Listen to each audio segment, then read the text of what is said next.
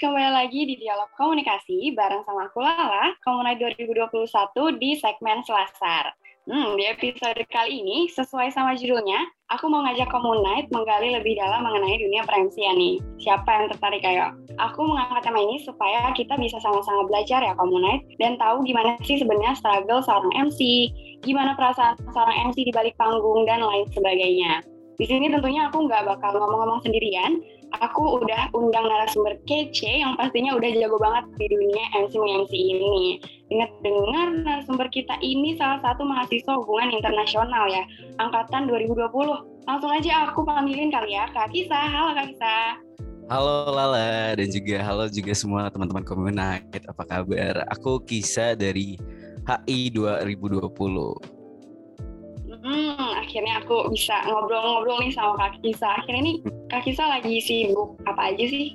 Uh, aku nggak lama baru aja selesai uas ya, jadi sekarang udah mulai tenang akhirnya bisa menikmati kebebasan.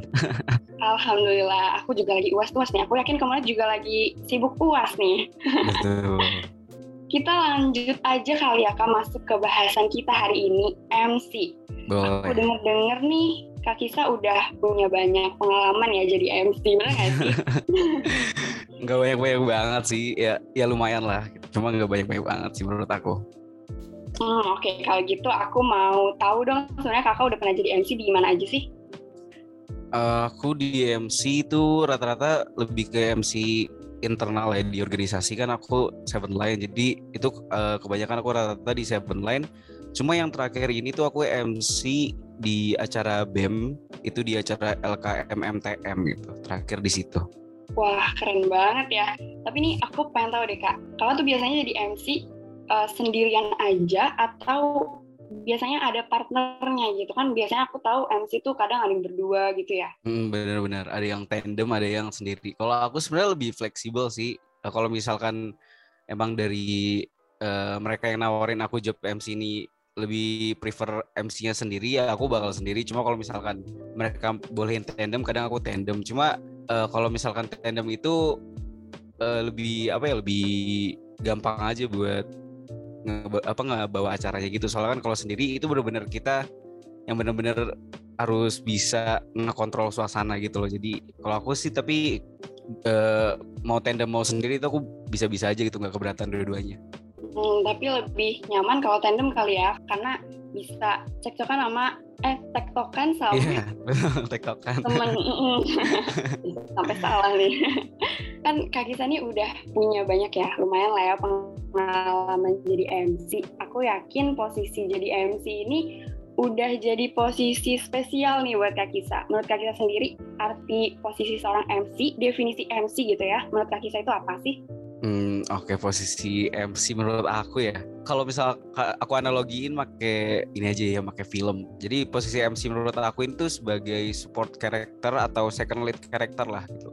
Yang cukup penting soalnya dia bakal ngebantu main karakternya di acara itu. Main karakternya itu bisa kayak tamunya atau gestarnya gitu. Jadi ya kita berperan sebagai second lead character gitu. Kita yang ngebawa acara gitu. Tapi kita bukan main karakternya gitu. Kalau aku uh, menurut aku posisi MC itu kayak gitu. Hmm, keren banget loh kamu naik nih pengertian seorang MC menurut kita akan lead character kalau kayak di film.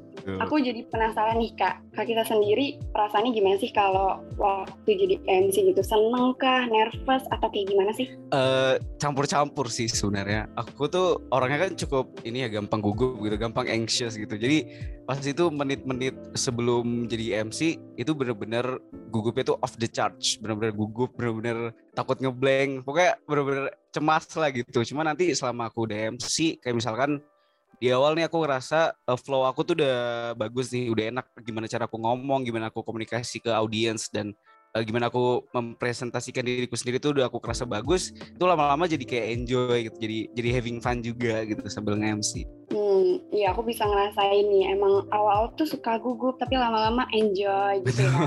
Soalnya gugup manusiawi ya. Hmm, hmm, betul. Kalau Kak Kisa sendiri nih, faktor menurut Kak Kisa faktor utama yang ngebuat orang lain tuh percaya gitu buat jadiin Kak Kisa MC itu apa sih yang ngebuat orang-orang tuh udah Kisa aja nih yang jadi MC-nya gitu? Hmm, apa ya?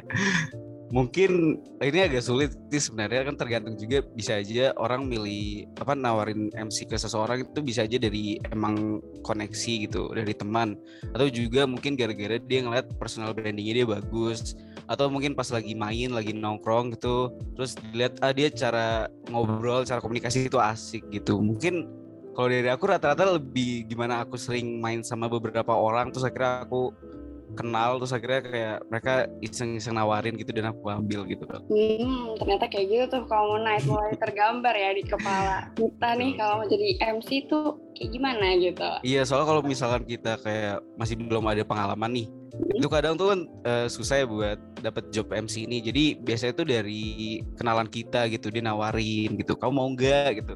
Ya udah jadi kayak mending diambil aja gitu buat lumayan nambah personal branding kita juga. Wah iya bener sih, bener kak. Aku setuju banget nih. Oke, terlepas dari faktor yang kaki saya sebutin tadi gitu ya, pasti ada dong pengalaman enak dan gak enaknya jadi MC, ya kan? Betul. Boleh dong ceritain ke aku dan komunitas kak. Hmm, pengalaman enak sama gak enak kayak dari gak enak dulu kali ya dari tinggi enaknya itu kalau misalkan kita sebagai MC atau aku sebagai MC itu gagal buat bikin audiensnya tuh tertarik sama acara gitu.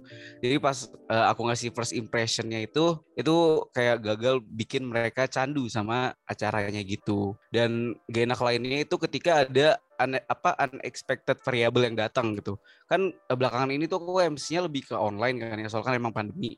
Hmm. Itu kalau misalkan online gini kan kita uh, rely sama fasilitas kita sama laptop sama sinyal wifi dan kuota dan segala macamnya gitu nah unexpected variable ini tuh kayak misalkan tiba-tiba mati lampu atau tiba-tiba laptopnya nggak crash atau sinyalnya hilang itu bener-bener gak enak. Soalnya apalagi kalau misalkan kamu nge-MC sendiri itu nggak ada yang bisa backup gitu. Jadi kamu jadi nggak bisa ngasih 100% buat acara itu. Jadi gak enak juga sama teman-teman yang udah nawarin kamu jadi MC gitu. Jadi kayak yang gak enaknya itu kalau misalkan ada unexpected variable-variable yang datang gitu sih. Dan kalau misalkan buat enaknya eh, pertama sih dapat pengalaman ya pasti enak. Terus kalau misalkan di MC ini kan aku juga sering agak improv improv ya tergantung. Kalau misalkan emang flownya itu lagi asik banget itu aku bakal improv dan ngasih jokes jokes ya yang emang lagi cocok buat di suasana itu. Dan kalau misalkan dapat respon baik dari audiens itu itu bakal senang banget. Rasanya kayak wah asik banget nih aku jadi MC gitu pokoknya. Wah iya sih aku udah bisa membayangkan ya senangnya kayak gimana. Tadi nggak enaknya juga. Iya sih kalau nggak nyampe ke audiens tuh rasanya aduh gagal gitu ya. Jadi jadi gitu. ngedown sendiri juga. Tapi menurut Kak Kisa nih uh, apakah setiap orang yang jadi MC itu bakal ngerasain struggle itu gitu? Atau beda orang beda cerita gitu? Uh, mungkin buat yang unexpected variable tuh uh, bisa kita generalisir buat ke semua orang ya. Soalnya pasti nggak jauh beda emang situasinya bakalan sama. Cuma buat enaknya mungkin buat uh, beberapa orang tuh bakal beda. Bisa aja mereka nemuin enaknya tuh di bagian yang lain dari aku gitu sih. Cuma buat gak enaknya kurang lebih pasti mirip-mirip lah sama aku aku yakin. Hmm oke okay, oke. Okay. aku udah mulai tergambar nih di kepala aku kayak gimana kalau nggak enaknya jadi MC tapi walaupun kayak gitu ya aku yakin pasti ada benefit yang kita dapetin gitu sebagai MC. Menurut Kak Tita sendiri, benefit apa sih yang Kak Tita dapat selama jadi MC? Benefit yang aku dapat selama jadi MC itu pertama aku lebih jadi lebih nyaman uh, uh, jadi diri aku sendiri gitu. Gimana kayak aku ngomong sama orang, itu tuh benefitnya tuh bikin aku lebih percaya diri pertama terus ya yang jelas pasti personal branding kita jadi nambah gitu pengalaman kita nambah bisa aja relasi kita juga nambah. Ya sebenarnya ya gak jauh gak jauh-jauh dari situ sih kayak personal branding terus pengalaman kita nambah dan tentunya juga kita bisa sambil have fun gitu sih. Hmm seru banget nih ya kedengarannya keuntungannya benar-benar banyak banget sih nah selanjutnya nih aku pengen tahu uh, untuk mendapatkan keuntungan tersebut aku yakin uh, ada skill yang harus kita siapkan gitu. Boleh dong kak bagi-bagi bagi-bagi ke aku dan komunitas. ya pastinya karena kita MC, karena kita uh, mandu acara, kita ngobrol sama audiens. Kayak kita nggak cuma satu arah itu pasti kita harus bisa public speaking ya. Kalau pasti public speaking kan penting banget gitu. Dan gimana cara kamu berkomunikasi sama pemateri gimana cara kamu berkomunikasi dengan audiens itu penting banget. Kayak kayak aku juga berkomunikasi sama Lala ini juga udah termasuk public speaking sebenarnya. Dan kita juga harus bisa membawa apa pembawaan diri kita tuh yang baik yang positif di mata-mata eksternal gitu dan dan juga ya pasti kita harus pede sih. Nggak mungkin kamu kalau misalkan nggak apa kalau kamu nggak pede jadi em pas kamu nge-MC terus nggak pede itu nanti kelihatan banget kayak gimana ya beda aja gitu feels ya gitu. Kalau kamu lagi pede sama nggak pede pas nge-MC itu kelihatan banget gitu. Jadi vibe sama atmosfernya juga jadi kerasa kurang gitu. Itu sih paling public speaking ya Aku setuju sih harus pede ya. Cuma gimana sih kak cara kakak sendiri ngelatih pedenya itu supaya kita tuh mantep gitu? sebenarnya sebenarnya kalau misalkan PD ini tuh agak susah ya dilatihnya. Kalau aku sendiri tuh kalau misalkan yang penting aku tuh udah usaha dulu semaksimal mungkin ya. Misalkan aku tuh udah bener-bener latihan sebanyak mungkin terus udah ngelakuin berbagai macam persiapan kan berarti tinggal ya udah tinggal kita eksekusi aja nih ya kan terus berarti eh, buat PD-nya ini ya kalau aku ya udah shoot your shot aja gitu. Mau mau mau hasilnya gimana yang penting aku udah berusaha semaksimal mungkin. Dan ya udah gitu kita kita serahkan kepada semesta. Tapi kalau kalau aku aku mau juga deh kalau misalkan Lala sendiri kalau misalkan buat bisa kayak ningkatin PD kamu sendiri gimana caranya kalau kamu? Gimana ya kalau aku tuh? Biasanya nenangin diri sih kak. Aku nggak banyak interaksi sama orang karena kalau makin banyak tuh aku jadi makin deg-degan. makin gugup Iya, jadi aku ya udahlah aku sendiri dulu tenangin diri, betul betul atur napas gitu sih ya aku. Iya, aku setuju juga harus ada me time-nya lah Hmm, betul betul. buat bersiap. Tuh, kamu naik gimana? Udah didengar belum nih? Tips and tricksnya udah dicatat belum nih? Gimana? Udah mulai tergambar belum di kepala kalian? Udah, oke nih kayaknya bisa nih aku jadi MC gitu. Dari obrolan kita tadi ya, kamu naik, aku bisa menyimpulkan bahwa jadi seorang MC itu ternyata nggak semudah yang kelihatannya loh. Banyak sekaliku yang harus dilewati, betul ya kak? Betul, betul. harus pasti ada enak dan gak enaknya gitu pasti banyak keuntungan yang didapetin walaupun uh, ada sisi gak enaknya tapi keuntungan itu jadi apa ya membuat semangat kita gitu loh nambah relasi terus jadi nambah nambahin personal branding, Branding. kita dan lain sebagainya bener-bener seru banget nih kalau kita belajar di MC nih kayaknya ya Worth Nah it sih terakhir pasti. nih iya betul. Nah terakhir nih kak ya, kita udah sampai di penghujung podcast nih. Boleh dong kak sepatah dua patah kata buat Komunite yang punya niatan untuk jadi MC. Supaya Oke. mereka nih semakin yakin gitu kalau mau jadi MC. Oke, pertama aku mau ngucapin makasih dulu buat Lala dan teman-teman Komunite yang udah dengerin podcast ini dan semoga dapat insight baru deh dan perspektif baru juga dari obrolan aku sama Lala.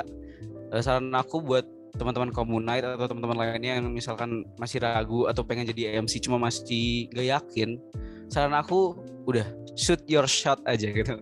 Soal kesempatan gak bakal datang dua kali gitu. Shoot your shoot your shot aja terus kamu pasti kan sebelum kamu ditawarin MC juga kamu pasti kan digambarin acara kayak gimana. Terus ini acaranya bakal eh, jenisnya kayak apa? Formal, semi formal atau eh, santai? Itu kamu bisa sesu- sesuaiin sama apa? Personality kamu. Dan ya udah dicoba aja gitu dulu. Soalnya pasti kalau kamu udah ngerasain for the first time jadi MC dan itu berhasil kamu bakal ketagihan terus. Aku yakin banget itu. Wah luar biasa banget nih Komunite. Shoot your shot. Pokoknya dicoba aja dulu deh.